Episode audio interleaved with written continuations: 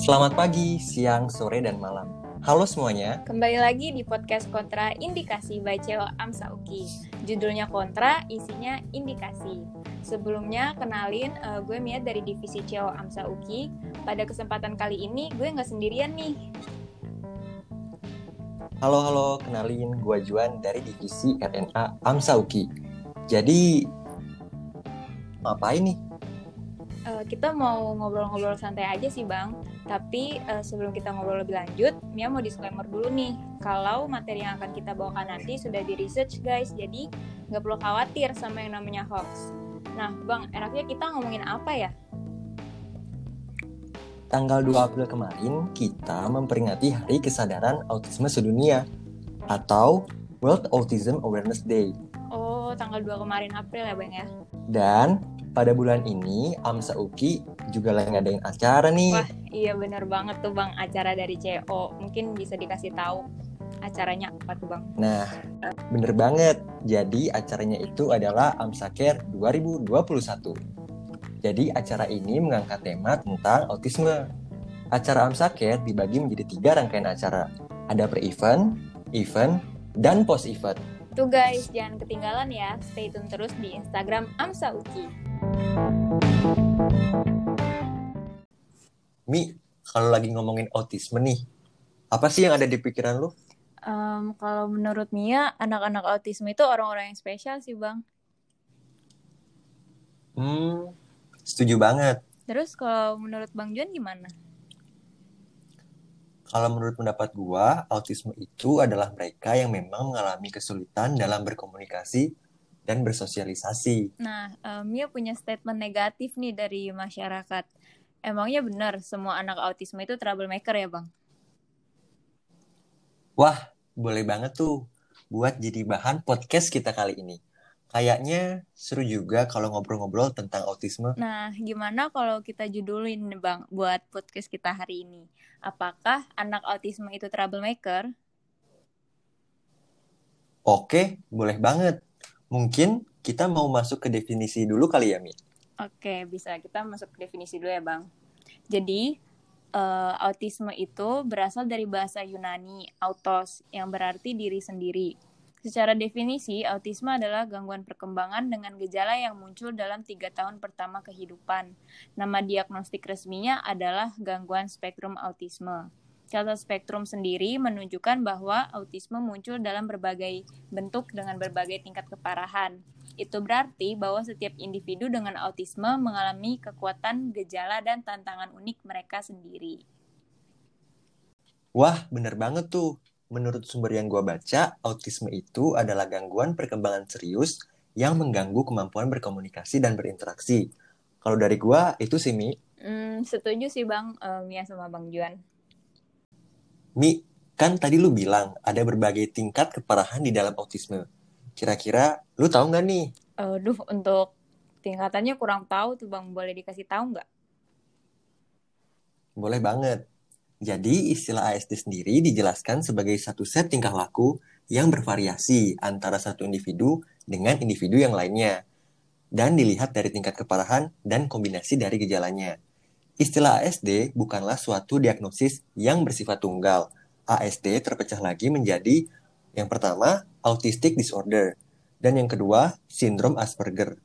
Ketiga, childhood disintegrative disorder, dan yang keempat, Rett disorder, dan yang kelima, PDD-NOS atau pervasive developmental disorder not otherwise specified atau kita lebih kenal sebagai autisme atipikal. Oh, gitu ya, Bang. Jadi ada beberapa macam gitu ya. Uh, dia terbagi-bagi gitu ya, Bang?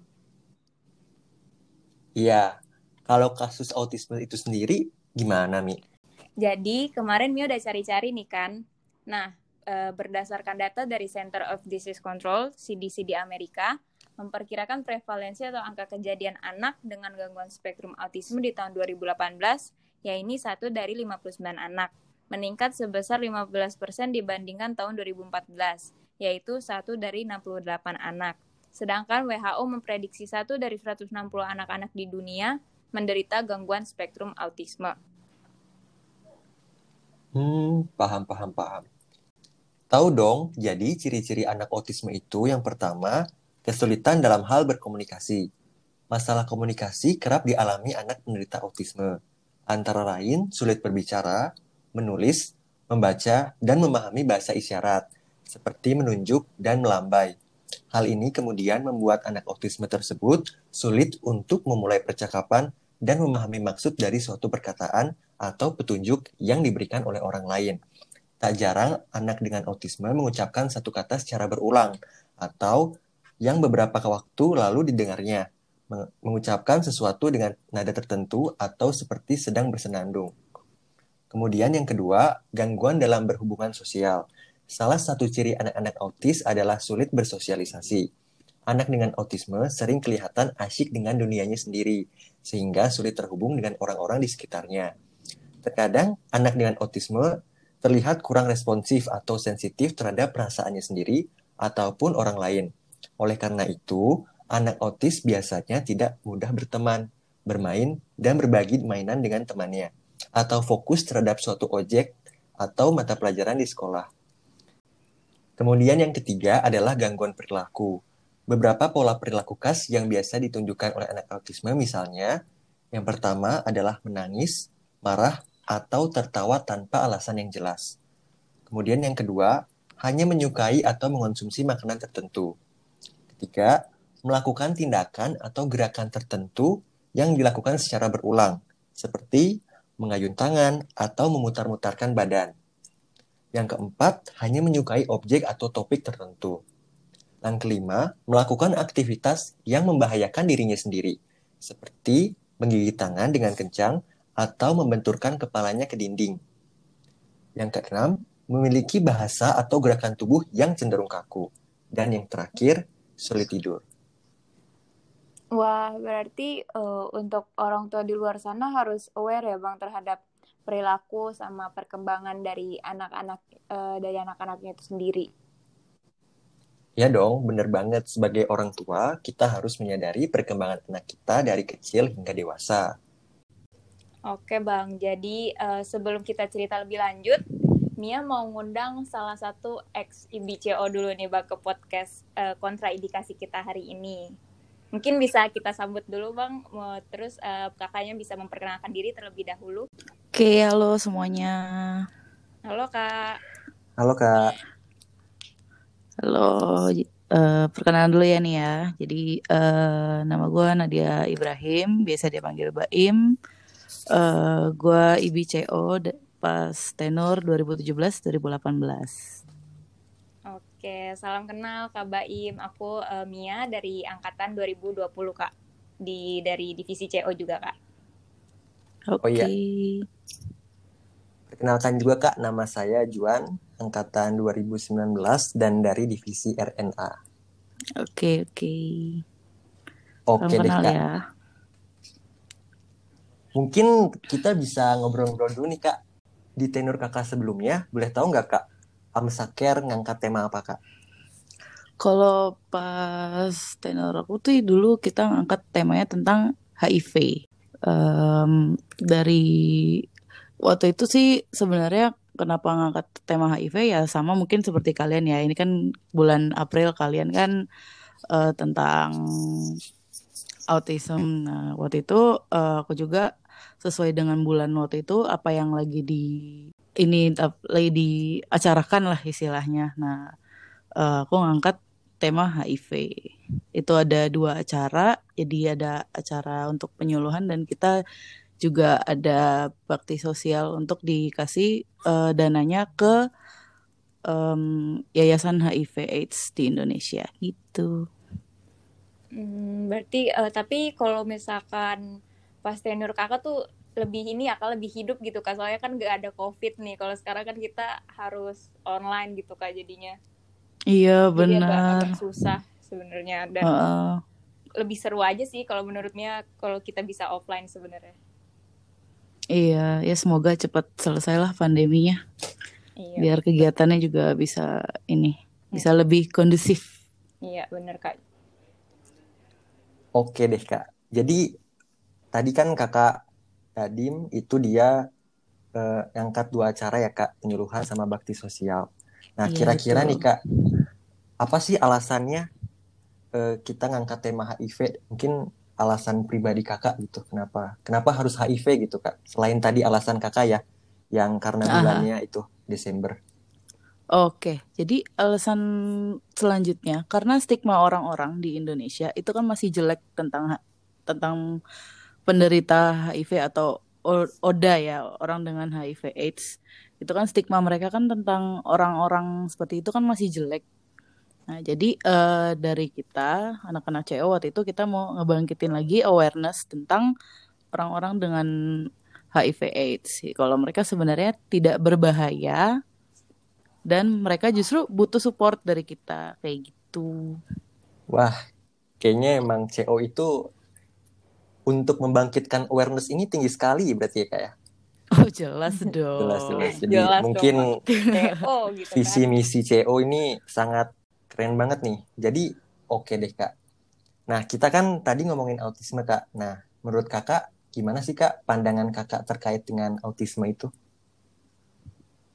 Eh kalau untuk sekarang-sekarang, kalau dulu mungkin emang karena masih belum aware, jadi masih anak-anak juga, jadi eh pandangan tentang anak autism itu kayak mereka aneh apa segala. Cuma makin berjalannya waktu, eh, aku juga semakin mencari tahu tentang mereka, terus mengedukasi diri istilahnya gitu. Nah, menurut aku mereka tuh orang-orang yang amazing sebenarnya, karena mereka harus hidup di dunia istilahnya dunia dunia luar dengan keadaan isi dunia mereka yang kayak gitu dan mereka masih bisa menjalani aktivitas itu mereka hebat banget.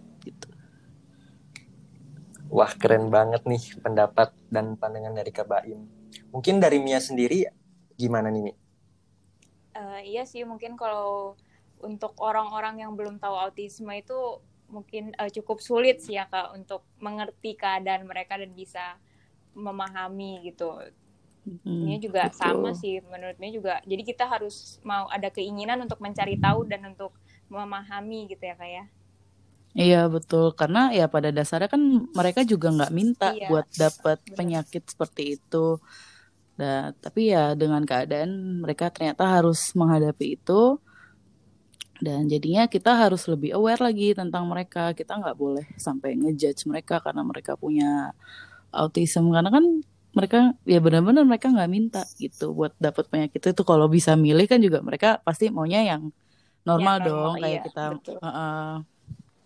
Dan terus juga ini sih lebih ke edukasi lagi. Jadi eh, di TikTok ini ada salah satu orang Indonesia eh, namanya Reski Acana. Dia penderita autoimun multiple sclerosis tapi dia nggak menjadikan itu sebagai hambatan buat dirinya. Dia malah sekarang jadi eh, terapis buat anak-anak autis. Dan di TikToknya dia tuh banyak banget edukasi mengenai anak-anak dengan penderita autis gitu. Hmm, iya berarti eh, ini ya kak, kalau misalkan ada kekurangan itu bukan berarti ya kita hanya bisa fokus ke kekurangannya aja gitu, bisa kita bisa Mm-mm, gali lagi betul. untuk kelebihan-kelebihan lainnya. Betul, betul. Terus untuk pengalaman kakak itu pribadi gimana kak? Mungkin kakak ada pengalaman terkait anak autisme atau punya teman eh, yang mengidap gitu kak? Mungkin bisa diceritain nih kak. Oh, ada. Ada. Jadi dulu waktu SD eh, aku punya temen eh se- sebenarnya ada dua orang sih yang mengidap autis. Ya mungkin tapi yang pertama mungkin eh dia lebih parah sih. Ada ada satu kondisi di mana dia lebih parah karena dia bisa aja eh bisa tiba-tiba ngamuk gitu. Dan satu lagi lebih lebih kalem sih. Cuma emang gitu dia kalau di kelas ya dia jalan-jalan gitu. Tapi kalau misalkan untuk berkomunikasi itu gimana kak? Kalau diajak ngobrol, diajak komunikasi sih masih ini ya. Masih kadang masih nyambung, kadang enggak.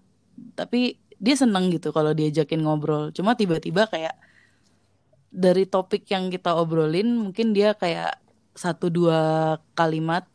Nah, habis itu dia langsung cerita lagi tentang dirinya. Pokoknya melenceng Iya, gitu sih heeh. jadi topiknya. jadi heeh. kurang ini ya kak, susah untuk fokus Iya. gitu kak.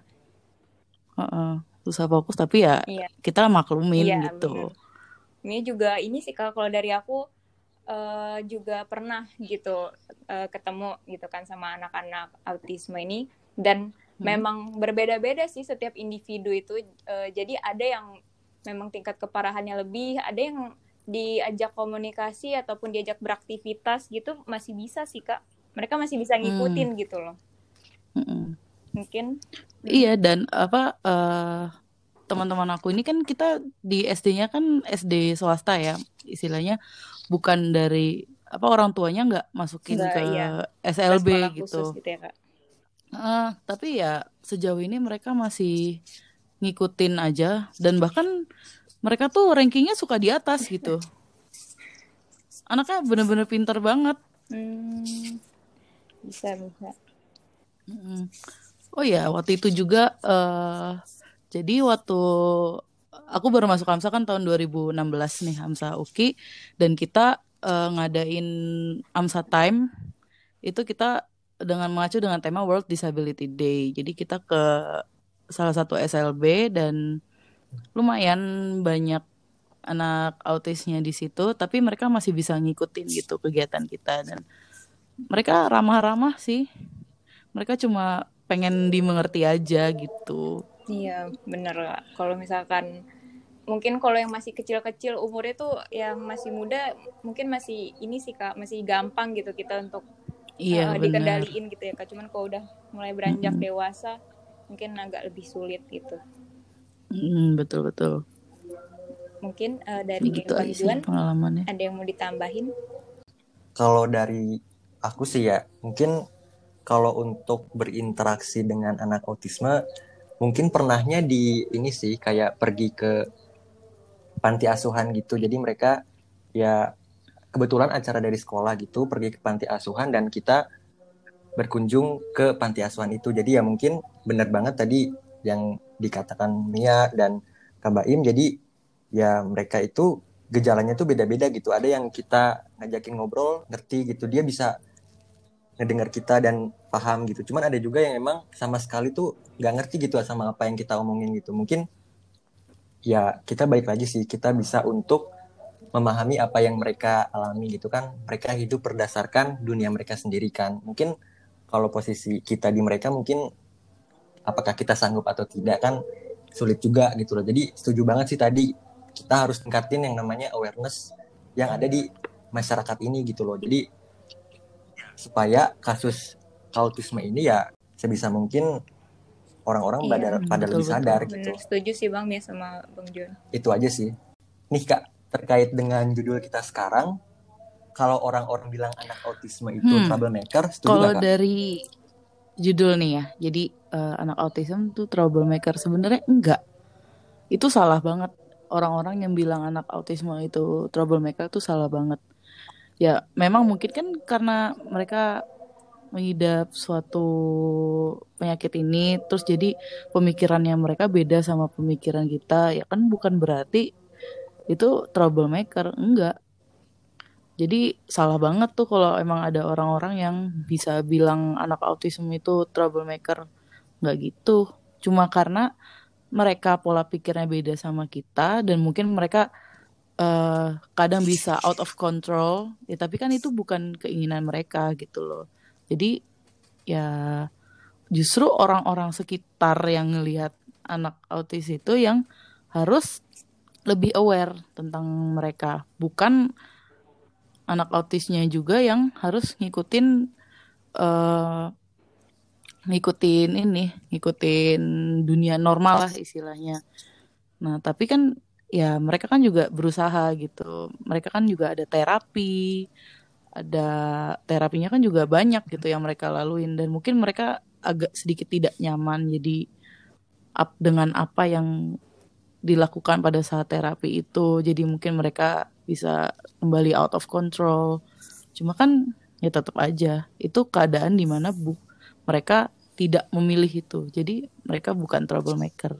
Gitu sih kalau menurutku. Iya sih kak, Eh, kalau Mia setuju juga sih kak.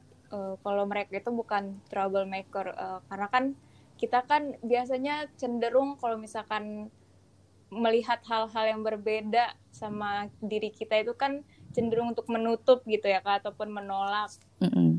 Eh, ataupun Betul, memaksa gitu biar kita tuh bisa sama sama satu satu sama lain gitu jadi ya menurut Mei juga kita malah nggak boleh sih kayak gitu jadi kita harus malah lebih aware terhadap keadaan mereka dan lebih Betul. pengertian gitu jadinya Betul. iya karena It- eh, it- iya Mm-mm. karena balik lagi karena itu bukan keinginan mereka gitu kan kak Iya betul.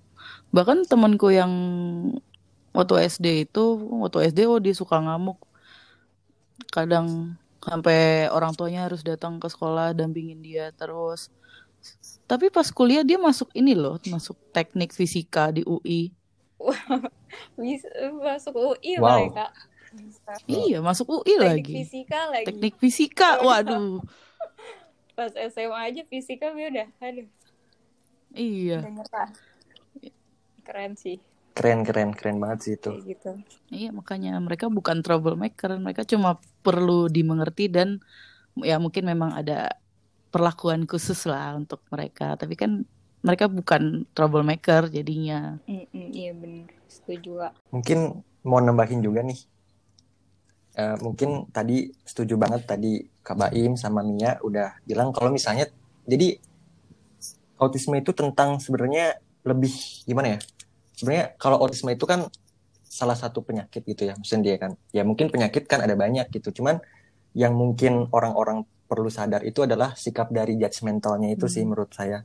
Menurutku jadi eh, sebagai seorang masyarakat umum gitu ya mungkin kita belum ketahui, kita belum tahu, kita belum paham dan penting banget untuk nanamin yang namanya tadi edukasi diri. Jadi kita sebagai seseorang yang memang eh, awam gitu terhadap autisme sebenarnya kita harus lebih mengedukasi diri seharusnya dengan menyikapi mereka-mereka yang memang berbeda dari kita gitu.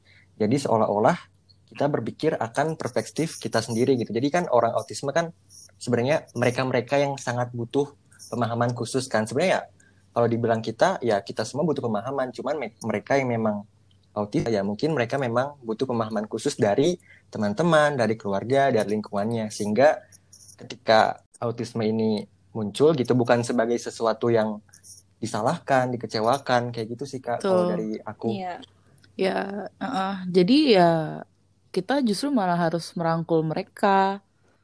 Dan kalau misalkan kita ngertiin mereka, mereka juga ini kok mereka juga bakal lebih bisa mengatur emosinya gitu. iya bener setuju sih kak Eh, aku sama kan Nadim sama ke Bang Juan juga jadi meskipun mereka punya keterbatasan gitu bukan berarti orang-orang dengan autisme itu tidak bisa sukses ataupun tidak bisa berkarya gitu ya kak Hmm, betul betul. Mm, jadi eh, Mia punya nih kak eh, salah satu contoh juga. Eh, jadi dia adalah atlet dari Indonesia, atlet lari, namanya Dewangga Kanahaya. Jadi dia itu ikut pas ASEAN Autism Games 2019 yang kemarin. Jadi si Dewangga ini dia berumur 13 tahun. Tetapi dia berhasil merebut medali emas di cabang olahraga lari 50 meter dan 100 meter dan juga dari Wow. atlet-atlet Indonesia lainnya yang uh, mengidap autisme berhasil meraih 26 medali kak bahkan Oh, keren banget. Iya tuh kemarin ngikutin beritanya. Iya, Wah, bangga yang banget iya, sih. dia viral kan dia di wawancara ya kan di TV soalnya Hmm. Yes, agak sedih juga sih karena pasti wawancara banyak yang Iya, ngejokes iya, bener. tentang dia padahal kan ya, eh, padahal kan dia nggak milih buat kayak gitu harusnya sih makanya dari situ tuh kita perlu ningkatin awareness buat orang-orang bukannya malah ngejek atau ngata-ngatain dia gitu tapi kita harus lebih bangga dengan prestasi yang dia raih untuk Iya, Indonesia benar banget kak aku juga setuju sih Setuju banget nih. Oke, mungkin aku juga mau nambahin nih. Jadi kan tadi mungkin kalau dari Kak Baim itu dia masuk fisika UI kan Kak. Nah, mungkin tadi dari Mia itu adalah seorang atlet lari. Nah, kalau mungkin dari aku sendiri jadi ada nih anak autisme dia sangat berprestasi dalam bidang seni bermain piano nih Kak. Jadi namanya itu adalah Ananda Sukarlan. Hmm. Jadi dia ini masuk di dalam daftar Outstanding Musician on the 20th Century. Terus udah gitu, nah jadi kan tadi autisme itu dibagi berdasarkan beberapa tingkat keparahan. Nah kalau Ananda ini dia masuk ke dalam sindrom Asperger sejak kecil. Nah kemudian dia itu sejak berusia lima tahun dia sempat mengalami speech delay, speech delay atau alias dia itu telat berbicara pada uh, anak-anak pada umumnya. Kemudian pada saat dia bersekolah juga sempat uh, memiliki eh, teman-teman uh, yang membuli dia, kemudian kemudian juga sulit berinteraksi dengan teman-teman sebayanya dan cenderung lebih suka untuk membuli. Dan kemudian pada saat itulah Ananda ini menemukan cara untuk mengekspresikan dirinya lewat piano yang ada di rumahnya. Akhirnya hal ini membawanya menjadi seorang pianis dan komposer yang terkenal, baik di Indonesia maupun di luar negeri, khususnya di Eropa. Nah, baru-baru ini, ia bahkan menjadi pianis pertama yang bermain di atas kapal Greenpeace. Berarti yeah. contoh dari tadi, dari yang udah kita omongin itu kontra gitu ya Bang sama judul podcast kita hari ini. Betul. Jadi kalau dari aku sendiri, jadi sebenarnya tadi kita mengangkat judul podcast kan eh, apakah autisme itu troublemaker? Ya sebenarnya itu adalah mungkin salah satu perspektif yang hanya dipahami oleh masyarakat sendiri. Jadi ketika kita memahami mereka dengan baik gitu, kita melihat kelebihan-kelebihan yang ada dalam diri mereka sendiri, tentunya ya banyak gitu hal-hal positif yang memang kita harus junjung, kita harus banggakan dari teman-teman kita ini.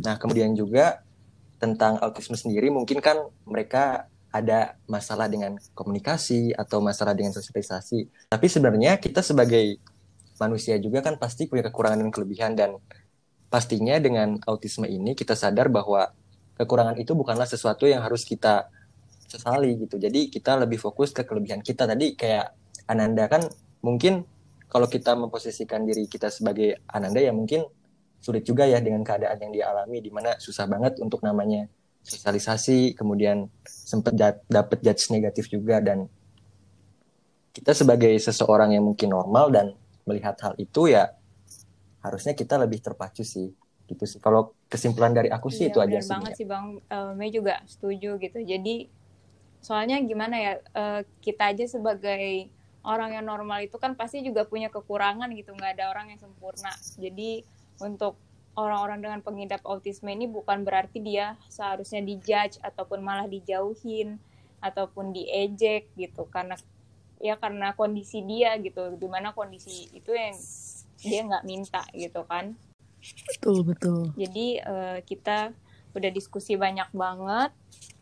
Uh, mungkin kesan pesan dari Kabaim gimana? Ya kalau untuk kesan pesan sih lebih ke buat pendengar dari podcast ini maupun dari masyarakat luar uh, jangan pernah ngejudge orang dengan autism gitu. Kalau ketemu di luar di mana gitu kan kita nggak tahu apa yang dia dan keluarganya hadapin. Dan keluarganya kan juga pasti kan nggak minta itu untuk terjadi. Dia dan keluarganya nggak minta untuk semua itu terjadi. Mereka semua hanya perlu dukungan dan kita sebagai orang lain ya jangan menambah beban di hidupnya mereka gitu kita harus bisa aware, kita harus mengedukasi diri dan tentunya kita harus support kepada orang-orang dengan autisme dan keluarganya juga. Itu penting banget. Benar sih Kak, setuju Mia. Jadi kalau dari Mia sendiri itu lebih ini ya, lingkungan itu sangat-sangat uh, besar gitu pengaruhnya untuk kita untuk apalagi untuk uh, para pengidap autisme ini kita harus bisa mendukung dan juga lebih mungkin ke mengarahkan, menemani gitu ya kak, biar mereka bisa betul, berkembang betul. gitu. Jadi kondisinya itu bisa berkembang ke arah yang lebih positif seperti itu. Kalau dari Bang Juan gimana? Kalau menurut uh, aku sih ya Mia untuk kesan pesannya itu mungkin pertama ya jadi autisme tadi kan gangguan dalam bidang komunikasi ya. Jadi peran dari lingkungan itu menurut aku sangat penting banget. Jadi ya lingkungan kan yang membentuk kita gitu ya. Meskipun kita normal pun kalau lingkungan kitanya juga judgmental ya udah ujung-ujungnya ya judgmental gitu loh. Jadi penting banget namanya build yang namanya environment itu penting banget. Jadi kalau misalnya kita dari awalnya sudah judgmental terhadap autisme ya sama sampai kapan pun ya udah pandangannya akan selalu negatif, stigmanya akan selalu negatif kayak gitu. Jadi penting banget tadi untuk kita dapat memahami namanya kondisi-kondisi seperti autisme itu sendiri gitu. Jadi kita sebagai orang tua atau teman gitu harus mensupport dan mungkin satu juga ini sih mungkin kita juga dapat mengadakan seperti acara-acara, mungkin sosialisasi-sosialisasi kayak gitu, ya untuk meningkatkan kesadaran orang-orang mereka yang memang belum tahu terhadap autisme ini semakin tinggi gitu. Jadi orang-orang tuh semakin sadar dan semakin terbuka pikirannya. Jadi mereka itu semakin open minded gitu loh. Jadi gak hanya cuman mikir dari dari pemikiran mereka aja, dari pengalaman mereka aja gitu. Jadi autisme itu tidak dianggap sebagai orang-orang yang annoying, orang-orang yang emang aneh, orang-orang yang emang uh, bisanya cuma ngegangguin dan gak gitu. Jadi mungkin juga peran-peran dari orang tua yang memang sudah sadar dan dia langsung uh, memberikan anaknya ke sekolah luar biasa misalnya. Jadi um, sehingga anak-anak dan orang tuanya itu jadi lebih nyaman, jadi lebih sadar gitu. Jadi bukan nggak ngerasa bahwa ngejalanin sesuatu itu sendiri. Jadi kan kalau misalnya kita gabung sama komunitas-komunitas gitu jadi kita ngerasa oh ternyata bukan saya aja ya yang seperti ini gitu dan terakhir untuk pemerintah sendiri tentunya ketika tahu ada keadaan sendiri ke keadaan ini sendiri jadi mungkin lebih bisa untuk menggalakkan seperti sosialisasi-sosialisasi terkait dengan autisme itu sendiri sih jadi mungkin kalau dari aku itu aja sih benar banget ya. sih bang jadi itu lebih gimana kita menyikapinya sih kalau menurutnya jadi kita harus bisa uh, menciptakan lingkungan yang inklusif dan kondusif bagi siapa pun gitu tanpa terkecuali. Jadi tidak ada eh, kelompok-kelompok uh, orang yang merasa uh, mayoritas gitu ataupun merasa terpinggirkan gitu sih. Betul betul.